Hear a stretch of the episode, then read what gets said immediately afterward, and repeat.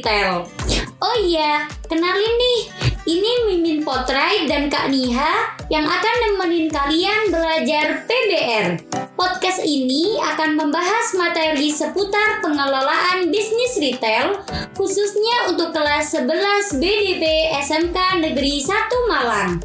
Eits, kalau kalian bukan dari jurusan tersebut, kalian masih bisa menikmati podcast ini agar waktu luang kalian lebih bermanfaat. Ikuti terus tiap episodenya ya.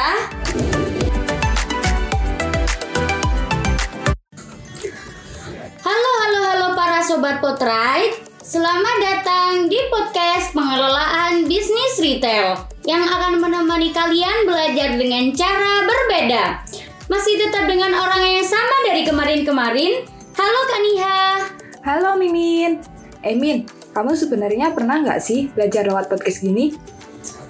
Waktu awal-awal ada podcast, Mimin agak ngerasa aneh sih. Tapi lama-lama juga enjoy, bisa tetap melakukan pekerjaan lain, tapi dengerin sesuatu yang berfaedah. Balik lagi nih, tiap orang punya cara tersendiri. Semoga kalian bisa menikmati belajar seperti ini ya. Hari ini kita mau belajar apa? Ayo dong kasih tahu para sobat potret. Oh iya, sampai lupa. Hari ini kita akan bahas tentang plus minus dari franchise dan juga hak kewajiban pihak-pihak yang terlibat di dalamnya. Nah, gitu dong. Yuk, langsung aja Kak Niha. Suatu bisnis nggak ada yang menjamin 100% berhasil tanpa harus berusaha. Walaupun kita sudah join bisnis dengan format yang telah terbukti berhasil, kita juga harus siap dengan keadaan terburuknya. Jadi, harus tetap rajin dan kerja keras ya Sobat Potrai. Kalau boleh tahu nih, plus minus dari bisnis franchise itu apa aja Kak? Aku kupas kelebihan franchise ya. Kelebihannya ini berdampak kepada tiga pihak loh. Yang pertama pastinya bagi pihak franchiser. Kedua, bagi pihak franchisee. Dan yang ketiga, bagi konsumen atau pelanggan. Wah, banyak banget ya nampak positifnya. Yap, benar banget Min. Kalau untuk pihak franchiser, mereka dapat merasakan kelebihan franchise karena dengan adanya franchise, dia bisa mengekspansi pasar, memperluas dan mengembangkan usahanya yang dibantu oleh keberadaan pihak franchisee. Kemudian, franchiser juga dapat royalti dan secara tidak langsung dengan adanya bisnis franchise ini dapat meningkatkan citra perusahaan atau bisnisnya. Kok bisa, Kak? Misalnya nih, cabang A telah menjalankan bisnis franchise dengan baik dan konsumen merasa puas dengan pelayanan yang telah diberikan. Jika suatu hari konsumen tersebut menceritakan kepuasannya kepada keluarga, teman, atau tetangganya, hal itu akan meningkatkan citra franchise. Oh, paham-paham. Nah, nah, kelebihan franchise bagi pihak franchisee adalah dengan adanya bisnis franchise, dia bisa menjalankan suatu usaha baru yang sudah terbukti berhasil. Hal itu dapat mengurangi biaya kesalahan yang mungkin saja terjadi. Dia juga akan mendapatkan barang atau jasa dia juga akan mendapatkan barang atau jasa terbaru dari franchiser yang merupakan hasil inovasi produk yang telah teruji. Dengan adanya franchise, pihak franchisee lebih mudah mendapatkan konsumen baru. Konsumen ini biasanya sudah merasa puas dengan produk franchise di tempat A dan ingin membeli lagi di tempat B. Yang gak kalah pentingnya, pihak franchisee mempunyai keluarga baru yang mempunyai tujuan dan keinginan yang sama. Mereka bisa saling sharing dan saling support. Bentar-bentar kak, aku ulang ya.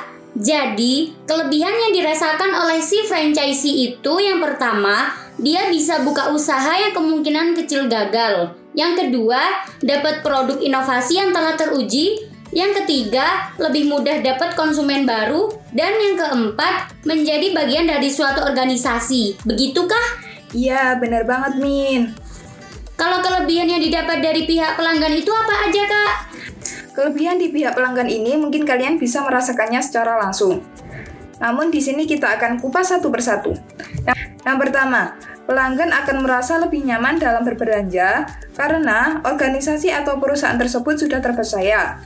Yang kedua, kualitas produk yang dibeli mempunyai kualitas yang sama, baik pelanggan membeli di toko A, B, atau C.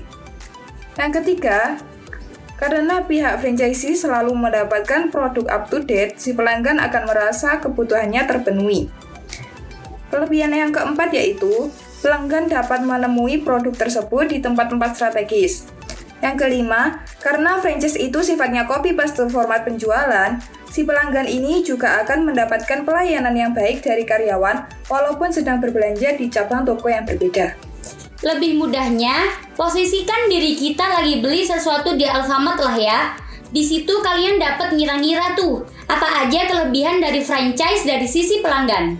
Ini mulai agak pahit sih, tapi kita harus tahu biar kita siap menghadapinya. Apa tuh kak? Kelemahan dari franchise. Kelemahan yang pertama yaitu franchise sifatnya harus mengikuti sistem yang sudah ditetapkan. Maka dari itu, pihak franchisee tidak mempunyai kebebasan penuh untuk melakukan inovasi sesuai keinginannya. Yang kedua, franchise juga bukan 100% jaminan keberhasilan suatu bisnis. Penerima franchise juga harus tetap berusaha agar bisnis tersebut dapat berjalan dengan baik. Jadi, walaupun katanya franchise adalah bisnisnya menjanjikan keuntungan, namun kalau yang menjalankan bisnis itu sembrono, ya sama aja kan ya? Benar banget, Min. Kelemahan lain dari franchise yang ketiga yaitu tidak semua janji franchiser dapat diterima dengan lapang dada oleh pihak franchisee. Seperti kewajiban pihak franchisee untuk membayarkan royalti tiap bulannya kepada pihak franchiser. Hal seperti itu kan dapat mengurangi gaji yang telah diperolehnya. Iya sih, sebenarnya juga 50-50 loh. Kan pihak franchiser sudah memberitahu rahasia bisnisnya kepada pihak franchisee. Lanjut, Kak. Kelemahan yang terakhir yaitu masih adanya ketidaksamaan dalam suatu franchise. Maksudnya gimana tuh? Dalam kondisi tertentu, pihak franchisor dapat memperbarui perjanjian sebelumnya yang mungkin saja dapat merugikan pihak franchisee. Karena memungkinkan adanya kondisi tersebut, kita harus melakukan sebaik-baiknya. Dan jangan lupa berdoa agar bisnis kita berjalan dengan baik. Benar banget, Min. Eh kak, berarti dalam suatu perjanjian franchise ada pembagian hak dan kewajiban bagi masing-masing pihak kan ya? Iya, Min. Ketika terdapat suatu perjanjian atau kontrak, di situlah akan muncul hak dan kewajiban. Seperti hak franchisor yang harus dipenuhi oleh franchisee, dan kewajiban franchisor yang harus diberikan kepada franchisee serta kebalikannya. Kewajiban franchisor itu meliputi apa aja, Kak? Kewajiban franchisor yaitu dia harus memberikan informasi haki kepada pihak franchisee tentang bisnis yang diwaralabakan serta memberikan bimbingan kepada franchisee bagaimana cara mengelola bisnis. Ternyata kalau kita join franchise, kita diberi ilmu juga ya. Kalau terkait hak-hak franchiser, Kak? Di sini, pihak franchiser dapat melakukan pengawasan jalannya bisnis franchise yang dikelola oleh pihak franchisee. Yang kedua, dia juga berhak memperoleh laporan berkala terkait kegiatan bisnis. Yang ketiga, pihak franchiser berhak melakukan kunjungan di tempat franchise-nya Keempat, mewajibkan pihak franchisee untuk membeli bahan dan peralatan sebagai modal bisnis. Jadi dari awal mereka harus membeli barang-barang tersebut ya? Iya dong, layaknya kita mematuhi format bisnis. Oh, terus-terus? Yang kelima, mewajibkan pihak franchisee untuk menjaga rahasia haki yang sudah diberitahu di awal. Yang keenam, mewajibkan pihak franchisee untuk menjaga rahasia usaha tersebut. Yang ketujuh, pihak franchisor berhak menerima royalti sejumlah yang telah disepakati bersama. Yang kedelapan, pihak franchisor berhak mewajibkan franchisee untuk melakukan pendaftaran sebelum ikut berjualan. Yang kesembilan, di akhir waktu perjanjian franchise, pihak franchisor berhak meminta seluruh informasi dan data yang telah diberikan sebelumnya. Dan yang terakhir, pihak franchisor berhak melarang pihak franchisee untuk memanfaatkan informasi setelah perjanjian franchise itu berakhir. Kalau perjanjiannya udah selesai, dia ingin menjalankan usahanya sendiri, dia tidak menggunakan data tersebut sih, tapi dia masih ingat apa yang pernah dilakukan dulu zaman masih usaha franchise. Itu gimana, Kak? Ya, mau nggak mau dia harus menginovasinya, membuat produknya berbeda. Tidak diperbolehkan jiplak 100%, nanti bisa dituntut plagiasi loh. Bener juga sih, lanjut kak, hak dan kewajiban franchisee. Oh iya, aku ulas lagi ya. Franchiser adalah pemilik utama bisnis itu, dan franchisee adalah orang yang ikut join. Jangan kebolak-balik ya. Makasih Mimin udah dibantu mengingatkan. Oke, lanjut ke kewajiban franchisee. Sobat Potret, simak dengan seksama ya. Kewajiban pihak franchisee yang pertama yaitu dia harus mengikuti seluruh instruksi yang telah diberikan oleh pihak franchisor. Yang kedua, mempersilahkan pihak franchisor untuk melakukan kunjungan. Yang ketiga, pihak franchisee juga harus memberikan laporan berkala atas bisnis yang dijalankannya. Yang keempat, pihak franchisee juga harus membeli peralatan franchise sebagai modal usaha. Yang kelima, dia juga harus menjaga rahasia haki dari bisnis tersebut. Dari sini bisa dilihat ya, apa yang menjadi hak franchisor adalah kewajiban bagi franchisee. Kewajiban selanjutnya, Kak? Yang keenam, tidak memanfaatkan haki di luar konteks bisnis franchise. Yang ketujuh, dia juga harus melakukan pendaftaran franchise. Yang, kedelapan, pihak franchisee wajib membayar royalti. Yang kesembilan, pihak franchisee wajib menyerahkan seluruh data dan informasi di akhir penjanjian franchise.